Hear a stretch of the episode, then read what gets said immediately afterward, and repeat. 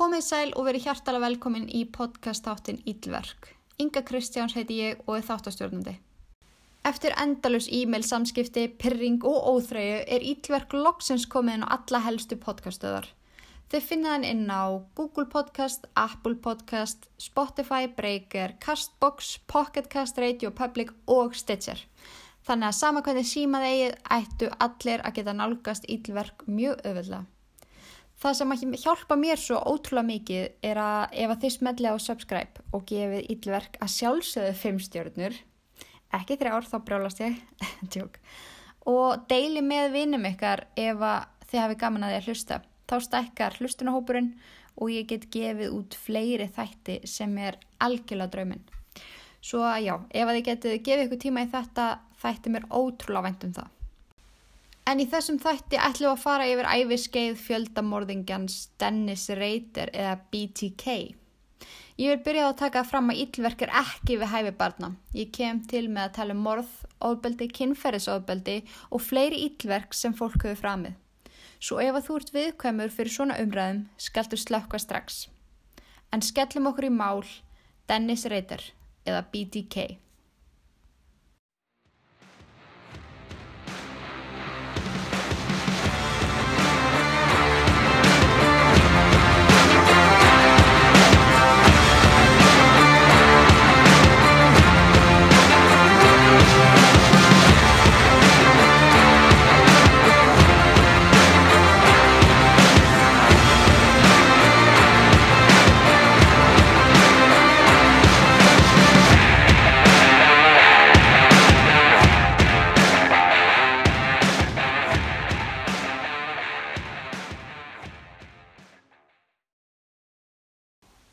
Þann 15. janúar 1974 voru hjónin Julie og Joseph Otero heima við með börnunum sínum tömu. Þeim Joseph Jr. 9 ára og Josephine 11 ára. Það var frí í skólanum hjá þessum yngstu krökkum þeirra þannan dag sem hafi pyrrað eldri bróðu þeirra Charlie alveg freka mikið sem þurfti að vakna aðleitt þann morgunin og vera svo eini sem þurfti að koma sér af stað út í daginn. Hún fannst það eiginlega alveg mega ósangjant. Uh, restin af fjölskyldumöðlaumanum fengi að sofa aðeins lengur og fótt daginn alveg í frí. Þegar þau vöknuðu bakaði mamma þeirra pönningugur og skar niður ávasti handaði. Þessi dagur átti sko að vera sannkallaður slökunadagur. Joseph Otero hafði meira að segja að tekið sér frí þennan dag í vinnunni til að geta eitt deginum með eiginkonu sinni og börnunum tveim. Það sem þau vissu hins vegar ekki var að þessi dagur myndi vera þeirra síðasti. Og þessi glæpur sem átti sér stað nokkru klukkutímum síðar var fyrsti glæpurinn sem BTK framdi. Dennis hafði fylst með Otero fjölskytinu í langan tíma. Þá aðala Josephine og Julie. Hann hafði lagt á minni þeirra rútínu við daginn og fundið út hvena þær tvær myndu vera einar heima. Restina börnunum máttu svo sem alveg vera viðstödd, en helst ekki kallin, Mr. Otero. Það gæti orðið vesen, hugsaði reytir með sér. En nú var komið að því að framkvæma þetta verkefni sem hann aði undibúið svo ótrúlega lengi. Hann var búin að býða óþreyjufullur eftir að geta loksins klárað þetta verkefni eins og hann kallaði þetta. Hann skreið upp á húsi og terofjölskyndunar laumaðist upp með veggjum og beigð þess að fá gott tækifæri á að komast inn. Þegar Reyter hafði beðið í smá tíma, tók hann eftir því að bakhörðin var opnuð og skilin eftir opin á meðan fjölskyttuhundurinn fór út að gera þarfið sínar. Núna var tækifærið komið. Reyter laumast inn og byrja verkefnið eins og hann kallaði þetta formulega. Ég ætla að leifa reytir sjálfum að útskýra fyrir ykkur hvað gerðist innan veggja og tero fjölskytunar. Mr. Rader, I need to find out more information. On that particular day, the 15th day of January 1974, can you tell me where you went to kill Mr. Joseph Otero? Mm, I think it's 1834, uh, Edgemore. All right. Can you tell me approximately what time of day you went there? Uh, somewhere between seven and seven thirty. This particular location, did you know these people? No, that's uh, no, that was part of my, uh, I guess my what you call fantasy. These people were uh, selected. All right, so you Okay. You were engaged in some kind of fantasy during this period of time? Uh, yes, sir. All right. Now, when you use the term fantasy, is this something you were doing for your personal pleasure? Uh, sexual fantasy, sir. I see. So you went to this residence, and what occurred then? Well, um, I had uh, did some uh, thinking on what I was going to do to uh, either Mrs. Otero or Josephine, and uh, basically broke into the house, or didn't break into the house, but uh, when they came out of the house, I came in and confronted the family, and then we went from there. All right. Had you planned this beforehand? To some degree, yes. Uh, after I got in the house, it, well, I lost control of it, but it, it was, you know, in the back of my mind, I had some ideas what I was going to do, but uh, I just, I basically panicked that first day. So Beforehand, did you know who was there in the house? I thought Mrs. Otero and the two kids, the uh, two younger kids, were in the house. I didn't realize Mr. Otero was going to be there. All right. How did you get into the house, I came through the back door, uh, cut the phone lines, uh, waited at the back door, had reservations about even going or just walking away, but pretty soon the door opened and I was in. All right. So the door opened. Was it open for you, or did someone? I think one of the kids, I think the uh, uh, ju- uh, junior, or not junior, yes, the uh, the younger, uh, Joseph, opened the door. He probably let the dog out because the dog was in the house at that time. All right. When you went into the house, what happened then? Well, I confronted the family, uh, pulled a pistol, uh, confronted Mr. Otero, and uh, asked him to, uh, you know, that I was there to basically, I was uh, wanted, uh, wanted to uh, get the car. I was hungry, food. I was wanted, and I asked him to lie down in the uh, living room. And uh, at that time, I realized that wouldn't be a really good idea. So I finally the dog was a real problem, so I uh, asked Mr. Otero if he could get the dog out. So he had one of the kids put it out, and uh, I took him back to the bedroom. You took who back to the bed? Uh, the family to the bedroom, the four members. All right. What happened then? And at that time, I tied him up. While still holding him at gunpoint? Well, in between tying and yes. All right. After you tied them up, what occurred? Well, uh, they started complaining about uh, being tied up, and I re- re-loosened the bonds a couple of times. Uh, tried to make Mr. Otero as comfortable as I could. Uh, apparently had a cracked rib from a car accident, so I had him put a pillow down on- for his head. Uh, had he put a, uh, I think he Parker or a coat underneath him. Uh, they, uh, you know, they talked to me about. Uh, you know, giving the car and whatever money. I guess they didn't have very much money. And uh, the, there, I realized that, uh, you know, I was already, I didn't have a mask on or anything. They already could ID me, and uh, uh, made it made a decision to go ahead and, and uh, put them down, I guess, or strangle them. All right. What did you do to Joseph Otero Sr.? Joseph Otero.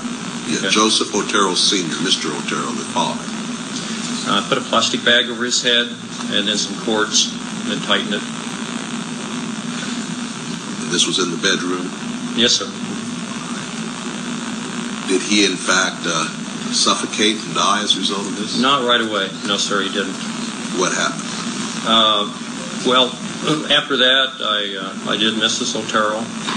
Uh, I had never strangled anyone before, so I really didn't know how much pressure you had to put on a person or how long it would take. But Was she also tied up there in the yes, bedroom? uh-huh, yeah, both her hands and their feet were tied up. She was on the bed. Where were the children?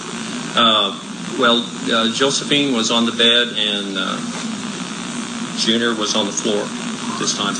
So we're, we're talking, first of all, about Joseph Otero. So you'd put the bag over his head and tied it. Mm-hmm. and he did not die right away. Can you tell me what happened in regards to Joseph? Uh, he moved over real quick like, and I think tore a hole in the bag, and I could tell that he was having some problems there.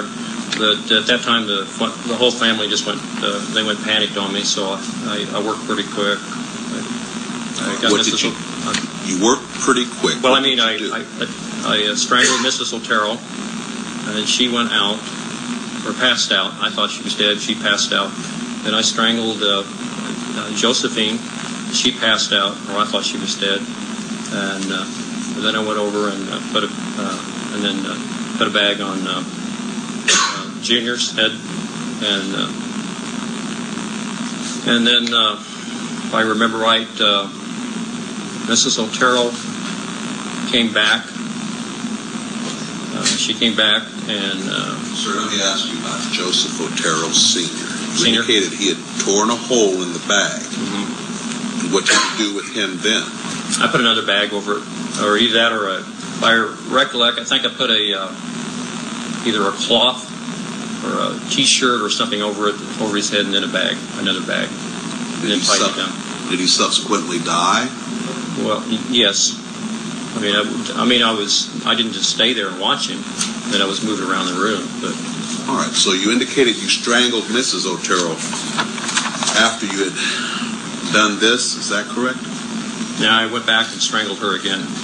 That, and that, that finally killed her at that time. So this is in regards to count two. You had first of all put the bag over Joseph Otero's head, mm-hmm. and he tore a hole in the bag. Mm-hmm. Then you went ahead. Did you strangle Mrs. Otero then, or did you go first back? of all, first of all, Mr. Otero was strangled, or a bag put over his head and strangled. Then I thought he was going down, and I went over and strangled Mrs. Otero. And I thought she was down. Then I strangled uh, uh, Josephine. Thought she was down, and then I went over to Junior and put the bag on his head.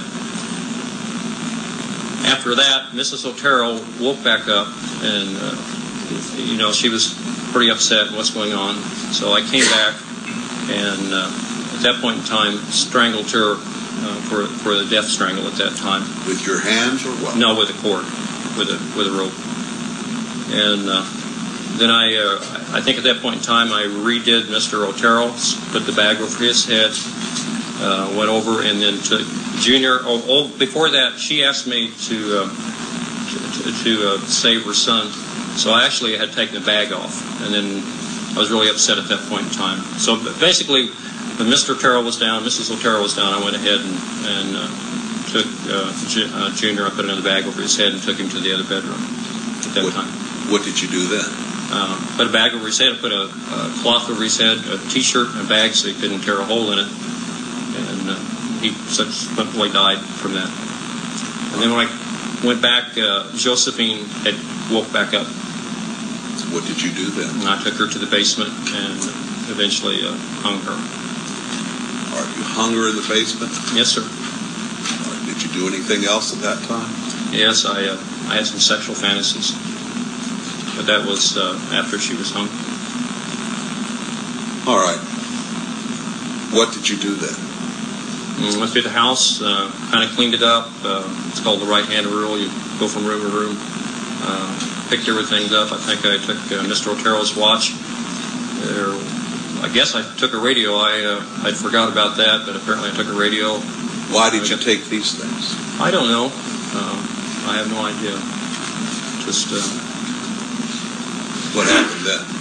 Uh, got the keys to the car. In fact, I had the keys I think earlier before that because I wanted to make sure I had a, uh way of getting out of the house and uh, clean the house up a little bit, make sure everything's packed up and left through the front door. And uh, they went there, went over to their car and then drove over to uh, Dylan's, left the car there, then eventually walked back to my car. Er það bara ég eða hljómar þetta ekkert eins og manneskja sem er að lýsa í hvernig hann myrti fjóra manneskjur? Mér finnst í alvörinu frekar eins og hann sé að lýsa í hvað hann ætlar að hafa í matinn.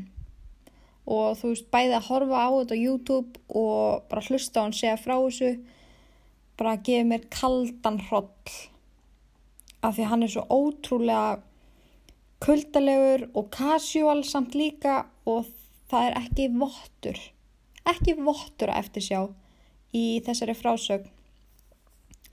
En það sem gerir þetta mál alveg 100 miljón triljónsinu hræðilegra er að elsti sónið þeirra Otero hjóna, Charlie, kemur að fjölskyldunni sinni þegar hann kemur heim úr skólanum. Áður við lærum meira um hver Dennis Reiter var, eða BTK, skulum við heyra nokkur orð frá elsta sinni Joseph og Julio og í dag er hann orðin gammal maður og hefur þurft að ganga í gegnum súrt og sætt til þess að eiga eðlilegt líf eftir þessa hróttalegu lífsinæslu. Skulum aðeins heyra hvað Charlie Otero hefur að segja. My name is Charlie Otero, and I am the son of Joseph and Julie Otero. I ran down the hall, went in their bedroom, and saw my mother on the bed, my father on the floor. My heart just got ripped out of my chest. My life changed instantly.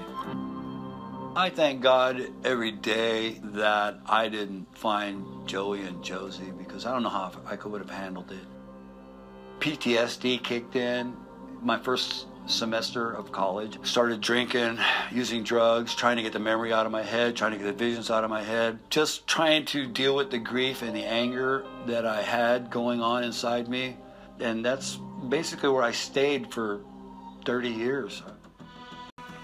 The day Dennis Rader was caught, I was um, working to do landscaping. I got the phone call from my sister. She said they got him. I said, Yeah, right. She goes, No, they really got him. They swear it's him. I said, okay. And I put the phone down, and I remember bushes flying 10 feet high over my head. I was ripping them out of the ground. When we were going into the courthouse for sentencing, I had come up with a plan to get my hands on Dennis Rader. No matter what happened to me, I didn't care. I just wanted revenge. When we returned from lunch, I was confronted by a, a friend of mine at the time who had a phone call from my ex girlfriend, the mother of my son, saying, Charlie, Joseph's been hit by a car and said he's in a coma. He'd been hit by a car. After that phone call, all need for revenge went away, and all I could think about was my son. And so when the opportunity finally came, and it did come, for me to get my hands on Dennis Rader, I had no desire. All I could think about was God saving my son. My son woke up months later, a newborn child. God answered my prayers and saved my son. And that changed my life. I told God at that time, I said, I'll give my life. I, I'll give you everything. Just save my son. And to this day, I try to live up to that. I'm driven whenever I get a chance to speak on a, a message of hope and, and redemption. And I do a lot of speaking in prisons, in uh, halfway houses and stuff, trying to get people to understand that they can't change their ways. We are a product of our environment. And for one moment, Dennis Rader was in my environment, even though I never really um, was involved with him, his actions dictated my world. And I, I was wrong in letting what he did dictate who I was for so long. I've turned that around, and my family is with me all the time. I take the memories of my family and use that to guide me and also my promise to God.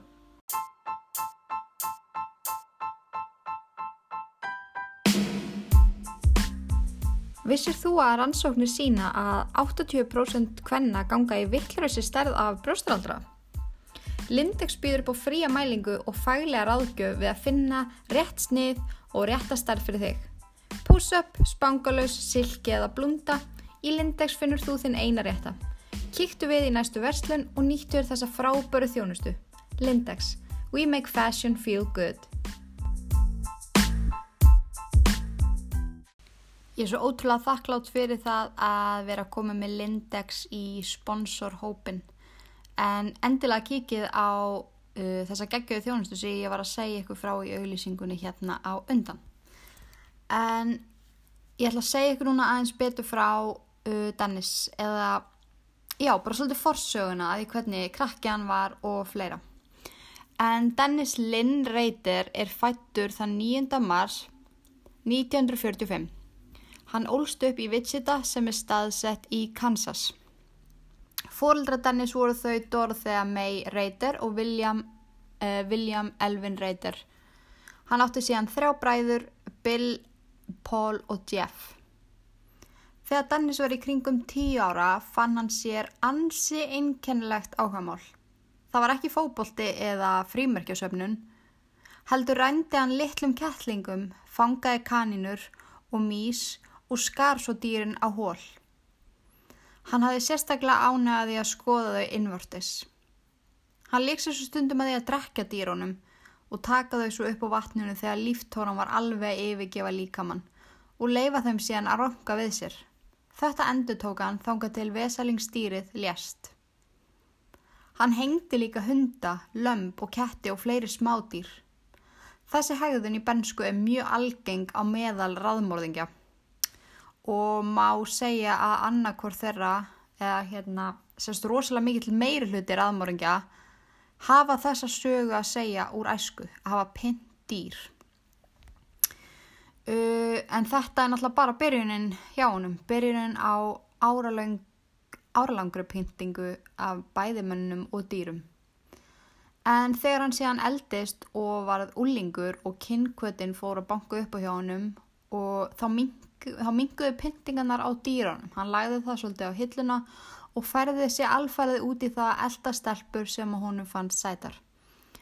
Hann eldaði stundum klukkuntímum saman og fyldist vel með þeim. Hann braust inn í búningsklefana í leikvimi sal uh, konu, konuklefan og stál nærbuksum og sapnaði þeim í skúfu heima á sér. Þegar hann síðan stundaði sjálfsfróun þefaði hann af nærbuksunum og, meðhandl, og meðhendlaði þær með fingrunum. Mér líður ángríns líkamlega illa að vera að segja þetta upp átt en þetta er alveg illa ókjæðslegt en mér finnst þetta verða að koma fram þannig að þeir sjáu svona heldar myndina af þessum kynferðislega satista sem Dennis Reiter er. Og ég segi er því hann er ennþá lífi helvitis djöfullin en Reiter tók einnig nærfödd móður sinnar og síðar meir eiginkonu sinnar og síðan fórnalamba sem urði á vegi hans nokkrum áru síðar. Hann nautast líka að klæðast nærbuksum af konum og mynda sig í þeim. Heimitt. En þann 22. mæ 1971 þá giftist Reiter ótrúlegt en satt henni Paulu, Paulu, D.S. Með henni átti hann tvö börn, þau Kerry og Brian og ég var by the way að lesa bókina sem Kerry, dóttir hans, gaf út og hún er mögnuð. Ég þarf að gefa mig tíma að ég segja ykkur betur frá henni. En út á við virtist reytir vera hinn bastikall. Nágranna hans heldur mikið upp á hann, fólki sem hann starfaði með hafði ekkert annað en gott um hann að segja, bara skipulaði stundu í svo duglegur. Reytir var formaði kirkjunemdar og sótti kirkju reglulega með fjölskyldurinn sinni. Hann elskaði að ferðast, fari fjallgöngur, veiða og hafði sérstaklega unun að sinna gardinu sínum. Uh, fyrir börnunum hans var hann bestapappi heimi, fyrir konun hans var hann bara indislegur eiginmaður og hann var alltaf ótrúlega stoltur af fjölskyldinu sinni og stutuði gegnum súrt og sætt. Og eins og ég sagði aðan þá virkaði reytar fjölskyldan og þá sérstaklega Dennis eins og hefði venjulegasta fólk og bara nánast til fyrirmyndar.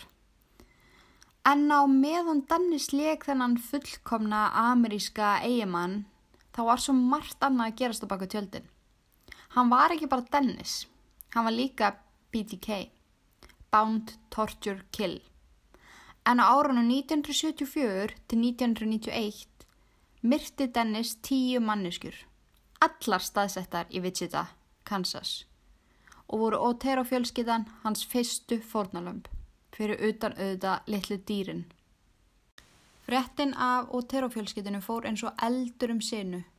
Fólk var auðvitað döðrætt því ekki hafi gerst líku glæpur í áraraðir þarna í Wichita.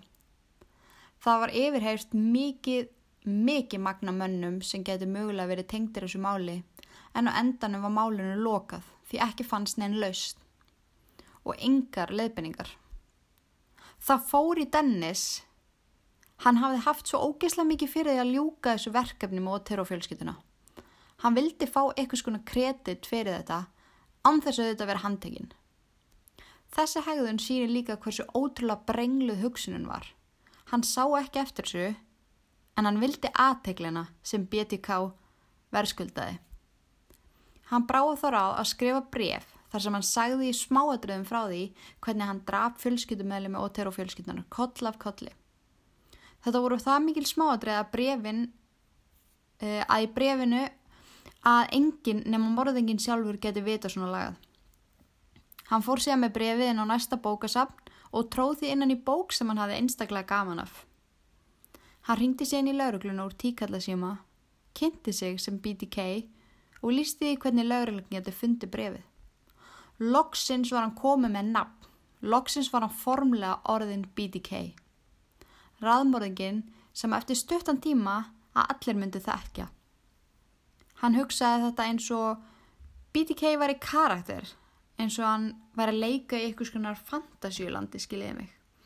Og ég mæla alveg innilega með því að þið farið á hérna Google og skrifið BDK letters og skoðið þessi ógeðslu satista bref sem að hann er að senda bæði á alls konar frettamiðla og til lauruglunar og hann er svona að leika sér að því að svona veifaði fyrir fram hann andlati á þeim að hann er að fylgjast með. Hann er það núti og þau hafa ekki hugmynd hvað hann heldur sig Eftir þetta tímabil og hafa loksins fengið þessa viðukenningu sem hann þráði þá tók Dennis þrjá mánuði bara í svona slökun.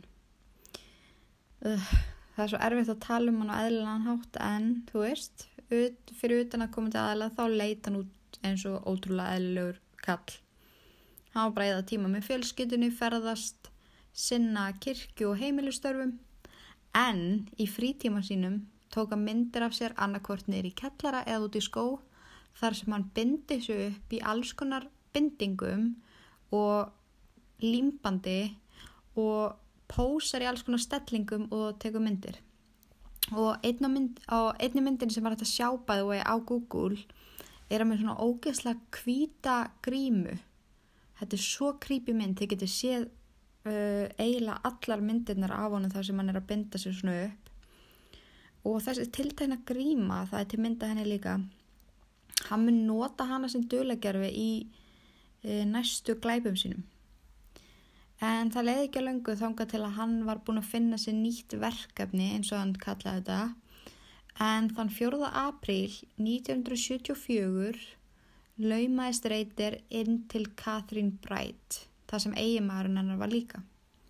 Hann hafi setið um hann að hellingi og að hans sögn var, hann, var hún á svona stocking uh, tímabili. Hann skiptis upp í að Fyrst fylgjast hann með, síðan fyrir hann að stokka fólk og síðan ræðist hann til aðlögu. En eins og áðan þá ætla ég að leifa honum sjálfum með sínum eigin orðum að útskýra hvað hann gerði Katrín Brætt og eigimanni hennar uh, þann 4. april 1974. Originally, I believe he indicated 1834 Edgemore. The address was actually 803 Edgemore. All right, but I'd ask him it occurred in Central County. He's case what had happened. I don't believe the exact address is important.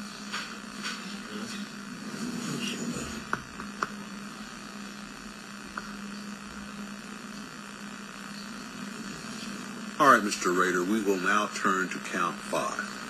In that count, it is claimed that on or about the fourth day of April 1974 in Sedgwick County, Kansas, that you unlawfully killed Catherine Bright maliciously, willfully, deliberately, and with premeditation by strangulation and stabbing, inflicting injuries from which she did die on April 4th, 1974. Can you tell me what occurred on that day?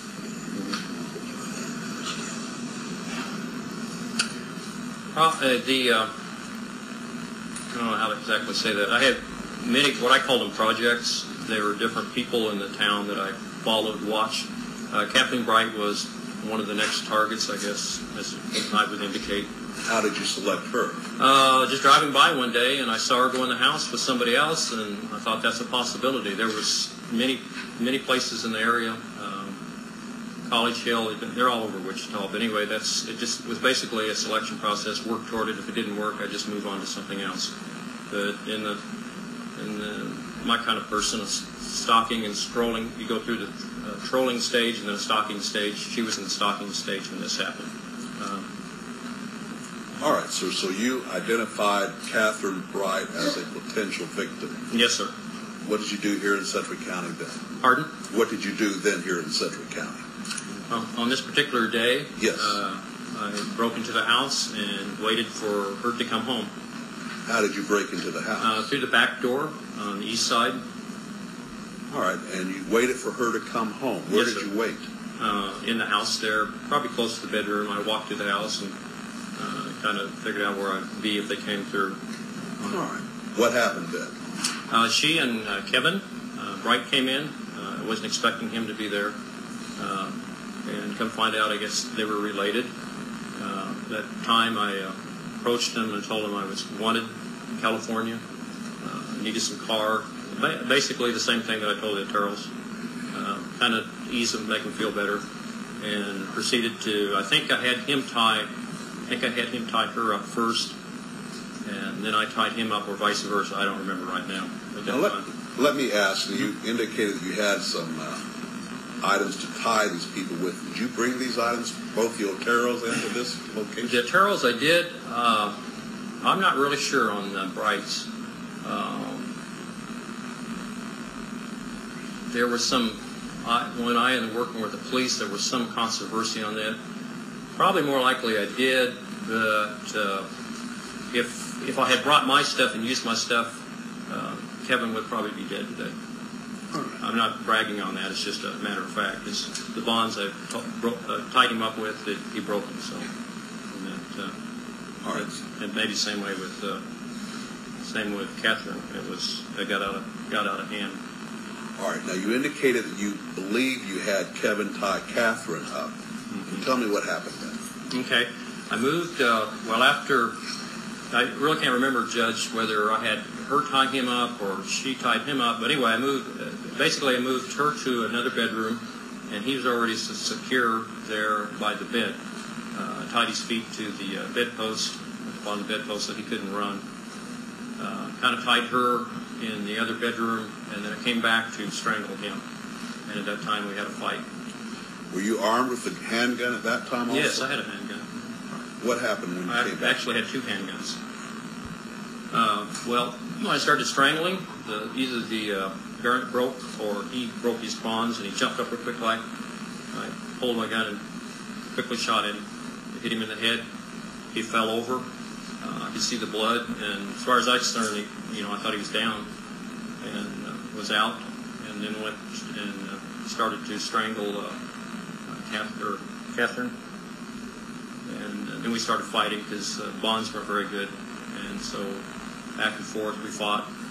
Uh, You and Catherine? yeah, we fought, uh, and I got the best of her, and I thought she was going down, and then I could hear some movement in the other room.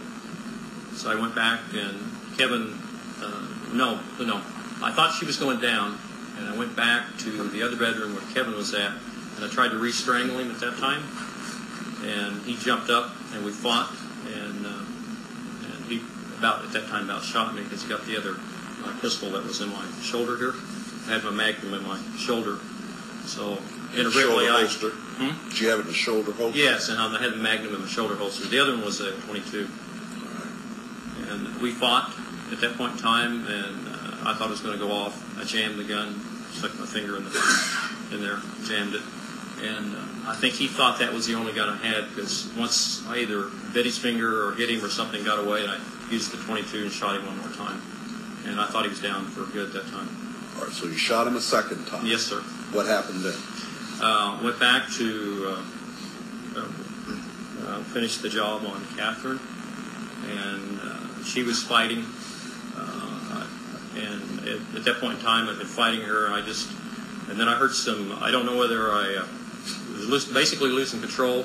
The uh, strangulation wasn't working on her, and I uh, used a knife on her.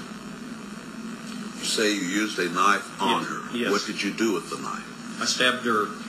I just used that either stabbed two or three times, uh, either here or here, maybe two back here and one here, or maybe just two times back And here. you were pointing to your lower back and your, Yeah, underneath the ribs. and your lower abdomen. Yeah, underneath the ribs. Up, up underneath the ribs. So after you stabbed her, what happened? Uh, actually, I think at that point in time, well, it was a total mess because I didn't have control on it. Uh, she was bleeding. Uh, she went down. Uh, I think I just went back to check on Kevin, or at that basically same time I heard him escape. It could be one of the two. But all of a sudden, the front door of the house was open and he was gone. And uh, or, oh, I tell you what I thought. I thought the police were coming at that time. I heard the door open. I thought, no, that's it. And I stepped out there, and he, I could see him running down the street. So I quickly cleaned up everything that I could and left. All right, now, Mr. Rader, you indicated that at the Oteros you did not have a mask on. Did you have a mask on at the Brights? No, no, I didn't. Uh-uh. All right, so what happened then? Uh, I tried. To, I had already had the keys to the cars, uh, and I thought I had the right key to the right car. I ran out to their car. And I think it was a pickup out there, and I tried it. Didn't work. And uh, at that point in time, I was he was gone, running down the street. I thought, yeah, I'm in trouble. So I tried it. Didn't work. So I just took off, ran, I went down, went east, and then worked back toward the WSU campus where my car was parked.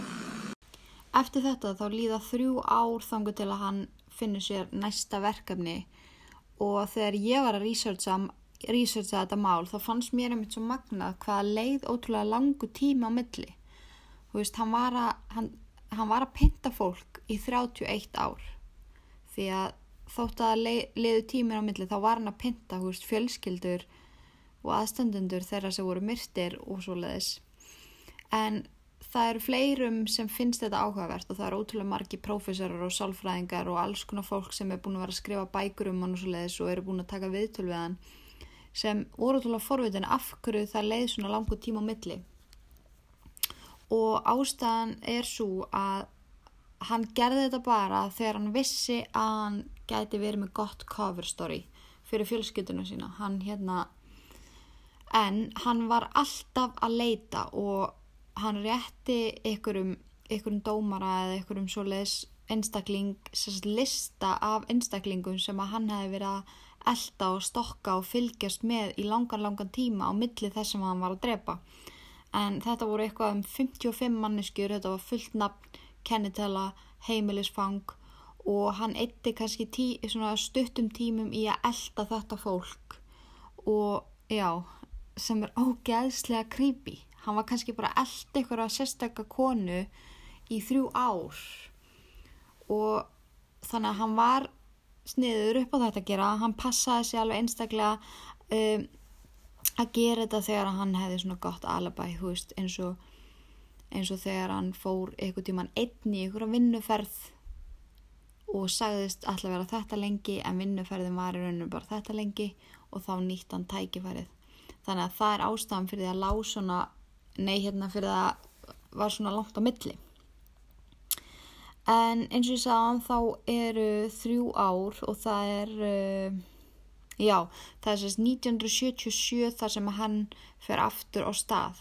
Og mér finnst svo ótrúlega magna að hugsa til þess að dóttir hans uh, Kerry er fætt 1978 sem segir okkur það að næstu tvö fórnalömb sem láta lífið er sérst á meðan hann átti nýfætt og dóttur heima sem er ótrúlega fucked up en þann 17. mars 1977 myrti hann hérna 24 ára gömlu Shirley Ryan hann kyrti hana með belti og 8. desember þarna liði ykkur í mánuður kannski var hann að einbytta sér að því að vera pappi við nýfætta batni sitt, ég veit það ekki en já, 8. desember 1977 um, myrti hann, hann 25 ára gömlu Nancy Fox og þarna var hann líka byrjaður að taka myndri af uh, líkamunum eftir andlátt stillaðum upp í alls konar stellingar og stunda síðan um, sjálfsfrón yfir líkunum og uh,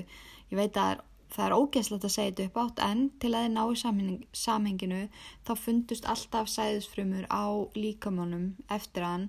Aldrei innvortis heldur um, bara húst, á fótonum á þeim eða eitthvað þannig sem segir okkur það að hann stóð væntalega yfir þeim og meðan hann var að stilla þeim upp og þetta er allt ógeðslegt. Uh, en þarna eftir að þær tvær láta lífi fór málið aftur fullt en endaði á sama farfi og óterumálið uh, og eins og áður þá pyrraði það reytir og húst það var alltaf talað um uh, raðmórðingi gengulaus, skrýmsli gengulaust, glæbamann en það var sjaldan sem aldrei notað nafnið BTK eins og hann vildi. Hann vildi vera þekktur sem raðmórðingin BTK. Svo þarna gekk hann svo langt að ringa í sjóastöðuna Cake uh, sem er svona lokal sjóastöðan í Wichita og saðist vera BTK og saði frá því smáadröðum hvernig hann draf Otero fjölskylduna, Catherine, Shirley og Nancy. Og þetta var auðvitað það mikil smáadröði að það þessu var tekið mjög alvarlega og það var augljóst að þau voru að tala við uh, morðingin eða allavega einhvern sem morðingin hefur um, trúað sem upplýsingu fyrir. En hann endaði síðan símtalið á að spyrja hvað þarf ég að drepa marga til þess að komast í frettinnar og skellti síðan á.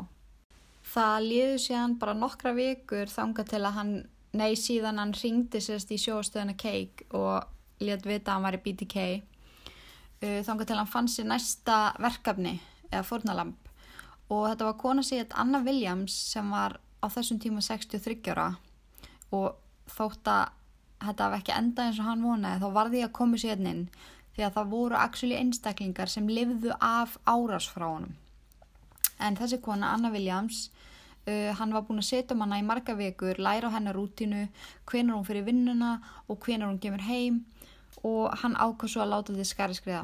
Hann braust inn í húsið hennar og ætlaði að býða eftir hún kemi heim. Hann var búin að ákveða hvernig hann ætlaði að binda hana og hann tók myndaöluna sína með sér og hann ætlaði að ná góðum myndum af henni. Hann var sérstaklega búin að ákveða hann. Þegar hann var síðan búin að býða í þrjá klukkutíma heimi á henni var hann orðin svona frekar óþólumöður. Uh, hún átti að vera löngu komin heim. Hann ákvaði að býða aðeins lengur og eftir fimm fokkin klukkutíma ákvaði hann að fara. Hann var heldtekinn af þessu máli og hann þóldi ekki að hann hafi ekki náð ætlanaverkinu sínu og hann hugsaði þetta svona eins og hún hafi leikið á hann eða eitthvað svo leiðis. En setna meir kom í ljós að hún hafi farið heimsótt til vinkunni sinnar eftir vinnu. Og spáið í því hvað hún hugsa í dag hvað þetta er besta ákvörðun sem hún hefur tekið. Kannski var þetta bara spontant heimsókn eða eitthvað. Bara heinar að kíkja. Mm, æg er samt að þreytt, æg kíkja smá. Ángurist að bjargaði lífinar uh, þarna líður síðan uh, alveg hellingstími. Þú veist það gerist ekkert fyrir 1985 næst uh, í lífi hans. Hann tekur svona svolítið mikla pásu. Og, þess, og hérna á þessum, þessu árabili þá fer hann um, sérst, í fjallgöngu í Grand Canyon með börni sín og hérna var bara sofi tjöldum og vera í útilegu og ótrúlega gaman. Og dóttur hans lýsiði í æfisögu sinni að þessi minning sé eins og besta en náttúrulega líka svo erfiðast á því að það er vist mjög erfitt að klifra og lappa Grand Canyon Þau nötu tíma saman, hann elskaði að sjá hversu sterk og duglega börnin hans voru og hann nautast að eigða tíma með þeim. En eldri sonur hans og bróðir Kari, uh, hann Brian, hann var sérst í hernum og hafi komið hann heim og hann var aðeins eldri. Uh, 1985, uh, þegar hann er búin að taka hann nokkur í ári að vera bara venjulegur fjölskyldufadir eins og gengur og gerist, hann hefði greinlega ekki haft tíma og eitthvað mikið í gangi. Mm. En já, það hérna, líður áriðinu 1985 og þetta er 27. apríl. Uh, þá var það hún Marine Hedge sem fannst skamt frá heimilinu sínu látin í Wichita. Og áður ég leifi ykkur að heyra hans frásögn, mér er best að þið fái bara að heyra þetta frá honum því þá getið þá sjáu þetta svo mikið fyrir ykkur því að hann lýsir þessu bara eins og hann sé einmitt að lýsa í hvað hann ætlar að hafa í kvöldmattin um, en ég verða að segja ykkur að hann fór með líki af hennar uh, líki hennar í kirkuna þar sem hann var formaður og tók myndir af henni í alls konar stellingum. Og hann hafi hugsað fyrir þessu og geimt uh, svarta ruslaboka í kirkuna og annað sem þarf, sem þarf til að losa þessu við lík Já. Og þegar hann hafði lokið sér af hendi hann líkunu í grifju rétt fyrir utan bæinn. Hann kallaði þetta verkefni Project Cookie sem er mjög fucked up. All right, sir, let's turn to count eight. In count eight, it is claimed that on or about the 27th day of April 1985 to the 28th day of April 1985 in Sedgwick County, Kansas, it is claimed that you unlawfully killed a human being, Marine Hedge, maliciously, willfully, deliberately, and with premeditation by strangulation, inflicting injuries from which Marine Hedge did die on April 27, 1985. Can you tell me what occurred on that day? Well, actually, uh, kind of like the others, uh, she was chosen. Uh, I went through the different phases, uh, stalking phase, and since she lived down the street from me, I could watch the coming and going quite easily. Uh, on that particular date, I, uh, uh, I uh, had a, uh, another commitment. I came back from that commitment, parked my car over at Woodlawn and 21st Street uh, at bowling alley there at that time.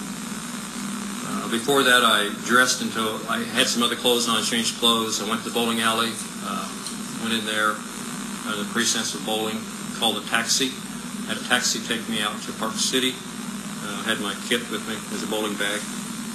All right, that was Park City in Sedgwick County, Yes, sir. Kansas. Uh-huh. All right, you had the taxi take you to Park City. What happened then? Uh, there, I asked, I, I uh, pretended that I was a little uh, drunk. I just took, I just took some beer and forced it around my mouth, and the guy could probably smell the alcohol on me. I asked, told him to let me out so I could get some fresh air, and I walked from where the taxi let me out over to her house, All right, where does she live? uh, 62, 42, 54, 62, 54, 62, 54, What North? Independence. All right, when you walked over there, what happened next? Well, as before, I was going to have uh, sexual fantasies, so I brought my hit kit, uh, and uh, lo and behold, her car was there. I thought, gee, she's not supposed to be home. So I very carefully snuck into the house, kind of like a cat burglar, and after checking the house, she wasn't there. So about that time, the doors rattled, so uh, went, went back to one of the bedrooms and hid back there in one of the bedrooms. Uh, she came in with a male visitor. They were there for maybe an hour or so. He left. I waited till wee hours in the morning, uh, and then proceeded to uh, sneak into her bedroom and uh, flip the lights on. What looked like, or I think the bathroom lights. I just I didn't want to flip her lights on, and, and she screamed, and I jumped on the bed and strangled her manually. All right. Now, were you wearing any kind of disguise or mask at this time? No, no. You indicated this woman lived down the street from you. Did she know you? Uh, casually, we'd uh, walk by and wave. Uh, she she liked to work in her yard as well as I like to work. It's just a neighborly type thing. It wasn't anything personal. I mean, just a neighbor. All right, so she was in her bed when you turned on the lights in the bathroom? Yeah, the bathroom. Yeah, this, the, so I could get some light in there. All right, what did you do then? No, I manually strangled her when she started to scream. You used your hands? Yes, sir. And you strangled her? Did she die? Yes. All right, what did you do then? Uh, after that, uh, since I was in the uh, s- sexual fantasy, I uh, went ahead and uh, stripped her, and uh, probably went ahead and uh, I'm not sure if I tied her up at that point in time. But anyway, uh, she was nude, and I put her on a blanket. Uh, went through her purse, some personal items in the house. Uh, figured out how I was going to get her out of there. Uh, eventually, uh, moved her to the trunk of the car. Took the car over to uh, Christ Lutheran Church. Uh, this is with the older church, and uh, I took some pictures of her. All right, you took some photographs. Or what kind of camera did you use? Uh, poor Lord. Árið 1988 uh, gerðist mjög svipað mál og með Otero fjölskylduna en þar voru þrýr meðlimir feigar fjölskylduna myrtir.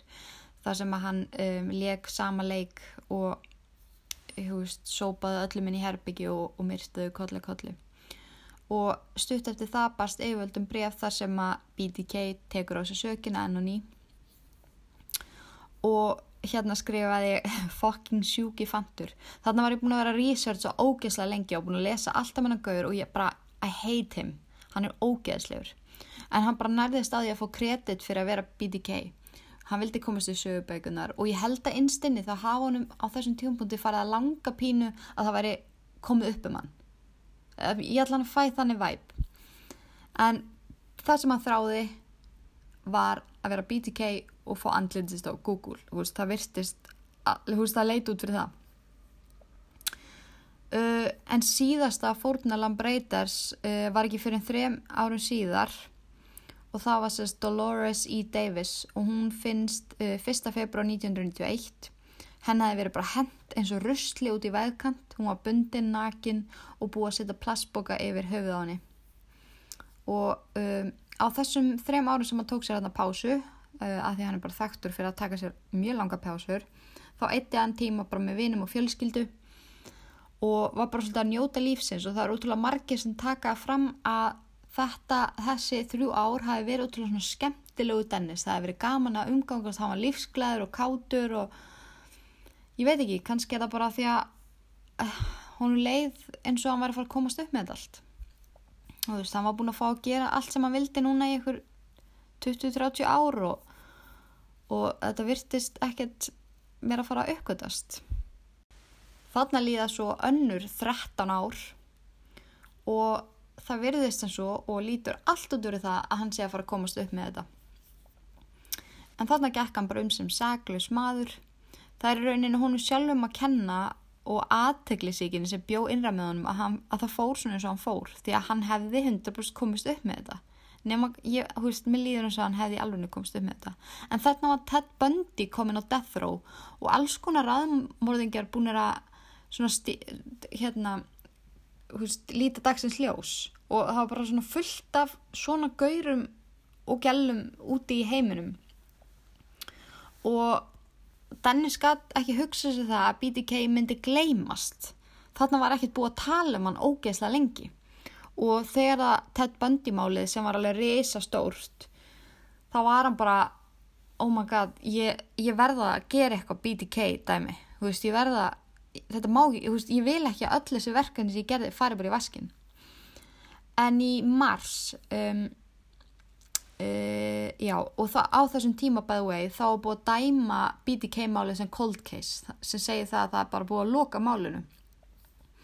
En í mars 2004 fekk tímareitið The Wichita Eagle bref sendt frá einhverju sem kallaði þessi Bill Thomas Killman sá sem skrifaði brefi segist hafa drefið Vicky Wagerly í september 1986 og sendi myndir af kræmsínuna á samt mynd af aukuskistinu hennar En þarna var ekki búið að tengja morðið á henni við BDK því öll DNA sönnunagögg bentu annað og voru ekki þau sömu og hefðu fundist á hinnum fórnalömburum. Yfirvöld byrjaði að testa DNA, DNA úr hundruð manna til að reyna að finna þetta allræmda fjölda, hennan allræmda fjöldamörðinga sem eftir 13 ár virtist að skota upp kollinum. Þrem mánuðin síðar fekk sjóastöð, hérna, sjóastöðin Cake, eins og ég sagði ykkur frá hann, annar breyf frá BDK Eh, sem innihjalt kapla á bókinni The BDK Story.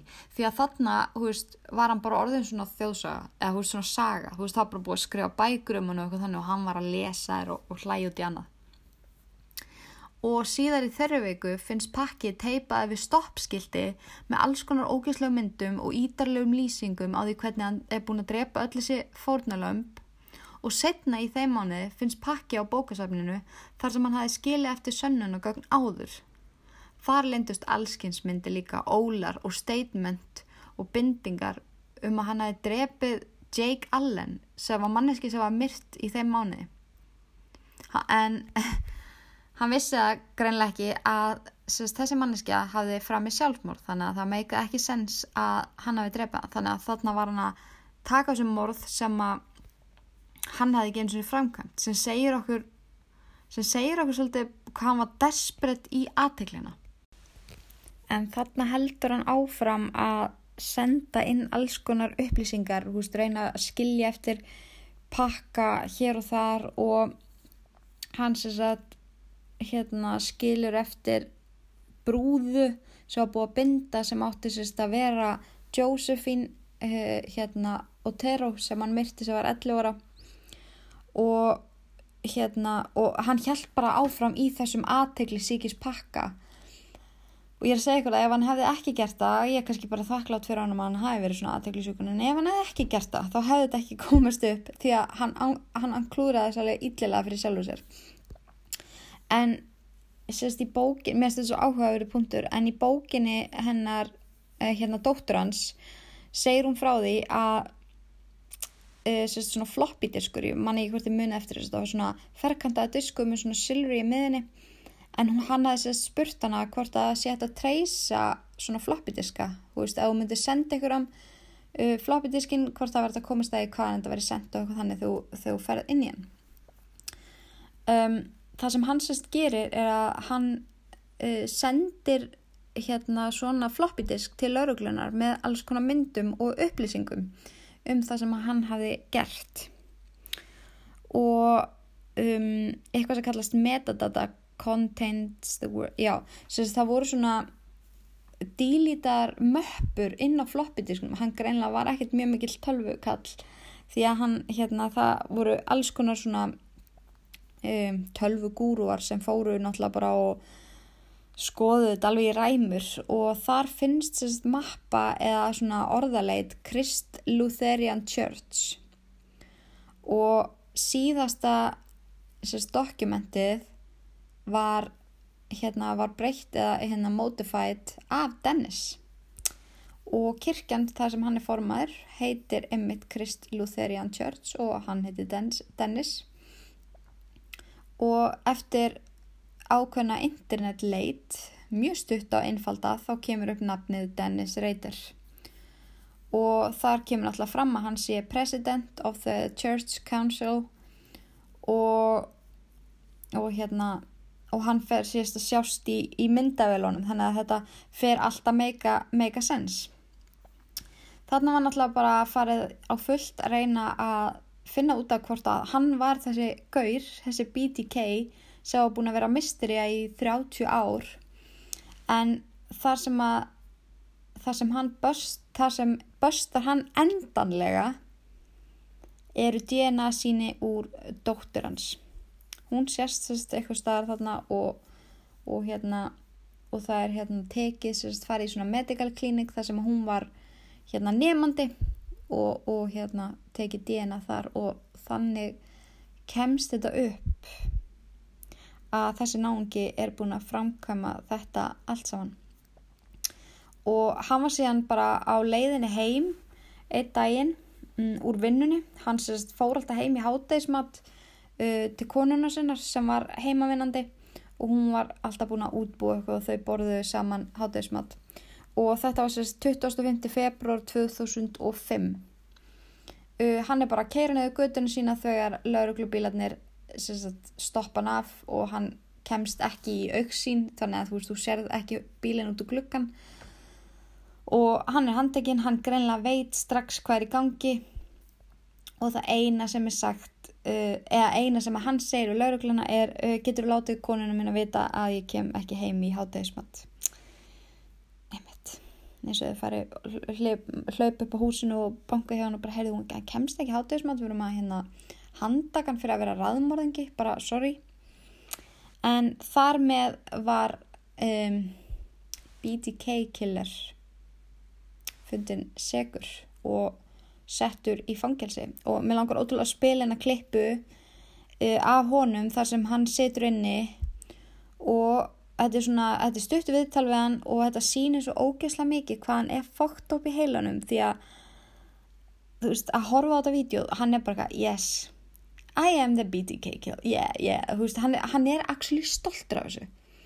Þannig að hlusta á þetta ángrís, þeir verði potið í að pyrra á þessu pyrra á þessum gæja og ég. Þeir eru örgulega orðið mjög pyrrað á hann hann er ógeðslegur en oh my god, tjekka maður þessu murderer. The PT, BTK killer terrorized Wichita, Kansas for three decades. Now, in a jailhouse interview, you'll hear directly from him how and why he committed these gruesome crimes. Here's Dateline NBC's Edie Magnus. BTK seemed uncatchable. Everyone wondered who he was, where he was, until just a few months ago when a most unlikely man who'd lived among them all along, Dennis Rader, was arrested. I am BTK. Yeah. And I'm, I'm the guy they're after. 100%. This interview, obtained by Dateline after it was done, was conducted by a Harvard trained forensic psychologist, Robert Mendoza, who performs more than 100 evaluations for criminal and civil cases each year. He was hired by the defense team to assess Rader's sanity. I got this fantasy. I started working out this fantasy in my mind, and once that potential that person become a fantasy, I could just loop loop it over. I'd lay in bed at night thinking about this person, uh, the events, and how it's going to happen, and it become a real, almost like a picture show. You know, I wanted to go ahead and produce it, and direct it, and go through with it, no matter what the costs were, and the, consequences. Uh, it was going to happen one way or another. No one knows for sure why Rader had to kill to fulfill those fantasies. In this interview with the psychologist, Rader dismisses each victim as a project. He says he'd begin by stalking. Stalking stage is when you start learning more about your victims, potential victims. Uh, went to the library, I looked up their names, that address, cross-referenced, and called them a couple of times. Drove by there whenever I could. And each time he struck, Rader said he was armed with what he calls his hit kit. Already made up. contain what? Uh, plastic bags, rope, tape, uh, knife, gun.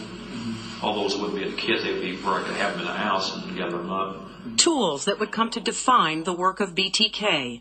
The victims were often discovered bound with tape or rope tied in unusual knots. Probably something we'll never know. It's something. In his jailhouse interview, Rader blamed his murder spree on that mysterious force he has always claimed was way beyond his control, Factor X.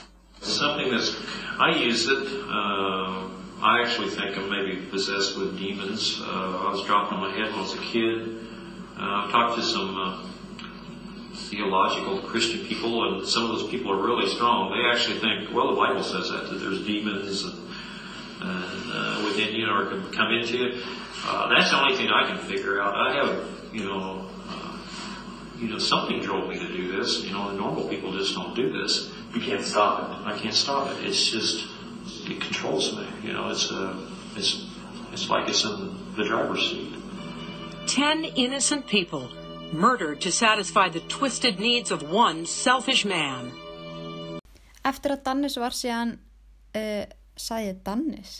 Meinti þetta Dennis. Eftir að hann var handtekinn, þá var hann í rauninu bara opin bók. Það, bara, það var ekkert mál að fá hlutina upp úr honum og það var eins og hann væri náttúrulega bara pínu fegin að fá að tala. Þannig að ef þið til dæmis googlið confessions frá honum, þá talar hann bara um þetta ótrúlega casually og bara hann leynir ekki neinu eins og maður sér oft í svona trials að fólk er svona kannski að kenna öðrum um eða uh, reyna að hilma yfir sjálfur sér, hann gerir það ekki, hann er bara ekki, ég ger þetta svona og svona, svona þennan dag og, og þetta er bara svona skuggalega casual hjá honum. En hann fær sérst tíu lífstíðadóma fyrir hverja einstu mannesku sem hann myrti og situr enn í fangelsi fyrir það, ég man ekki hvernig hann gamall, hann er allavega orðin eldgamall. Og, og hérna ég veit ekki alveg af hverju hann fekk ekki lífstíðadóm, allir að það ekki bara verið laugin í Kansas á þessum tíma. En það er kannski líka bara fínt að hann uh, fá bara þú veist að rotna í fangelsi og hugsa það sem hann hafi gert þótt að ég haldi að hann sjáu persónulega ekkert eitthvað mikið eftir þessu uh, af því að hann er bara svo ótrúlega andlega veikur ég held að hann sér ekki munin og rétt og raungu en eins og ég saði ykkur á hann þá er ég búin að lesa eða hlusta á bókina sem dóttir hann skrifaði. Og ef að þið hafi áhuga á svona trúkræm þá mæli ég með því að þið hlusti á hann. Hún er mjög áhugaverð en þar er hún að fara bara yfir lífið sitt um, áður en að hún kemst að því að hann er BTK hvernig pappi hann var og, og, hérna, og starfsmæður og, og allt þetta og bara hvernig áhrif hann hafði á lífið hennar. Og svo lýsir hún deginum þegar hún fær að vita þetta og dögunum eftir og árunum eftir og þetta er ótrúlega, þetta er alveg merkilegt hvað þessi kona er búin að nýta þessa mm, lífsreynslu í að fræða. Þetta er, þetta er bara ótrúlega áhugavert því að ég held að séu margir sem að myndu bara, ég veit ekki, loka sér inni ef að uh, þeir myndi verða fyrir svona áfalli. Þannig að ég myndi klálega að kíkja það ef að þið viljum vita meira um BTK killer. Það er eins og ég segja þetta að finna helling á netinu. Ég mælu auðvitað aldrei með því að þið séu að googla crime scene myndir um, af því það er bara óholt fyrir heilan að búa yfir svona myndum. En síðan eru til svona típur eins og ég sem að geta ekki hamið sig verða að sjá og eru scarred for life. Þannig að ef að þið fara að skoða það er ekki á minni ábyrð því ég er ekki að mæla með því en auðvitað mæl ég með því að þið researchið og, og kannski hlustu á heimildamindir og svo leiðis ef að þið hafi áhuga á svona málum. En ég held að við segjum þetta gott uh, í dag af Dennis. Við skulum loka þessum kabla í líf okkar í byli og, og hérna megi hann bara rótna í helviti þessi mann djöfull en þetta var alveg virkilega brútal. Ég sökk alveg djúft við að researcha þetta er ótrúlega mikið og mikið efni. Og, og hann alltaf átti fjölskyldu og það er svo margt að mitt þetta ræða veist, þessu konan, hún hefur bara ekki sérst síðan og ekki svona heldur. Það er rauninu bara, bara dóttur hann sem er búin að stíga fram og identifæja sig veist, það er alltaf hægt að finna hvað hinn sko heita nema bara eða hvað eru gumul eða eitthvað eða myndir yfir höfuð. Þannig að, þannig að þetta er mjög áhugavert mál. Þetta er einmitt uh, e, eitt af svona eitt af glæbunum sem ég hafa með á lista hjá mér og, og listin er ótrúlega langur. Mér langar ótrúlega að pota inn draugasögum hérna á milli að því ég hef alveg ofsalega gaman að þeim. Um, ok, kannski ekki, jú ég hef gaman að þeim. Ég var alveg hreinskilin. Ég hérna, hef hérna svolítið skemmt, mér er svolítið skemmtilegt að lesa þær og ykkur finnst kannski gaman að hlusta þannig ég kannski tek inn á milli stutt og draugarsögur hef svona minisodes uh, inn á milli. En eins og ég sagði aðan þá er podcastið komið inn á Apple og, og Google og allar helstu podcaststöðvar þannig að það ætti að vera easy breezy beautiful fyrir ykkur að fara og, og hérna finna þáttinn. Og ég er að segja ykkur að krakkar neina að subscribe það bara er best í heimi. Uh, og það, húst, þegar þið subscribeið uh, og sérstaklega að þið gefið mér stjórnu eða review þá fer þátturinn um, kannski ekki beint ofar heldur svona það eru fleiri sem sjá hann og það er nákvæmlega það sem ég vil gera. Mér langar að allir sem að áhuga á trúkrem sjá hann að þátt og við getum verið saman í einum stórum hóp. Svo þetta er ítlverkgrúpan á á hérna Facebook þar sem þið getur joinað og ég íti á Aseft Asap. Það er komið ansið skemmtilegt community þar sem að ég deili með eitthvað nýjum þáttum og, og spurningum og svolítið og þetta er, þetta er líka snilda vettfangur ef okkur langar að ræða uh, þættina sem að ég er að gefa einn út þannig að endilega joinið uh, ílverk grúpuna á Facebook. Og, og bara gangum hægt og gleðina þeir en svo við endum þetta kannski aðeins á léttari nótunum og kannski svona smá spjalli úr, úr, úr mínu lífi. Þá er ég búin að vera að taka íbúðunum hérna í gegn. Uh, ég er búin að taka núna þrjá daga bara all in þar sem að ég er búin að vera að flokka eftir KonMari ef að það hefa heyrt um hana en það er asísk uh, ofurkona í rauninni sem að sem að flokkar hluti og brítur og sérstaklega saman og ég er búin að gera þetta losa mig við alls konar hluti sem að ég átti bara svona einskeri meðvirkni, eitthvað svona sem ég fengi í gjöf sem ég fannst kannski bara forljótt en vildi samt ekki láta það frá mér af því að ég fekk þetta í gjöf húst, fattiði mig húst, fullt af þannig hlutum sem eru búin að sapnast upp og allt einur heimili manns orði bara svona kæft af alls konar dóti og maður veit eitthvað ekki hvað þetta er og ég er búin að taka þetta í nefið og ég er búin að vera ótrúlega brútal að fara mig í góða hyrðin og selv komi líðu vel og oh, þetta er geggjað og ég finn strax að það er miklu minna drastlíðna heima og að ég veit ekki, þetta er bara ótrúlega næs. Mér langar að deila svo með ykkur og, og endilega heyrið í mig líka ef þið hafið prófað þetta.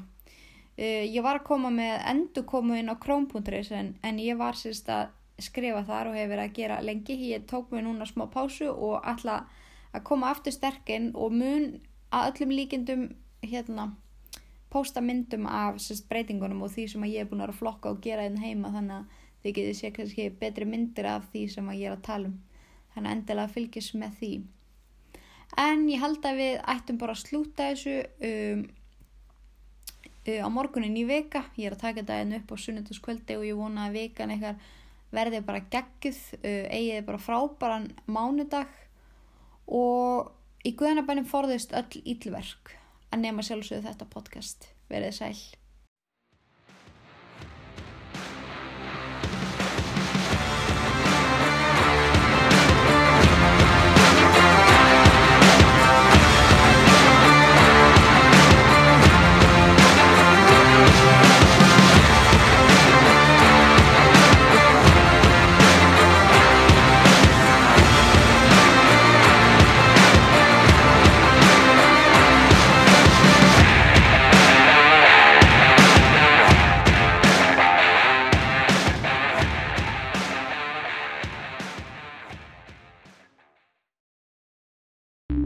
Podcast you just heard was made using Anchor.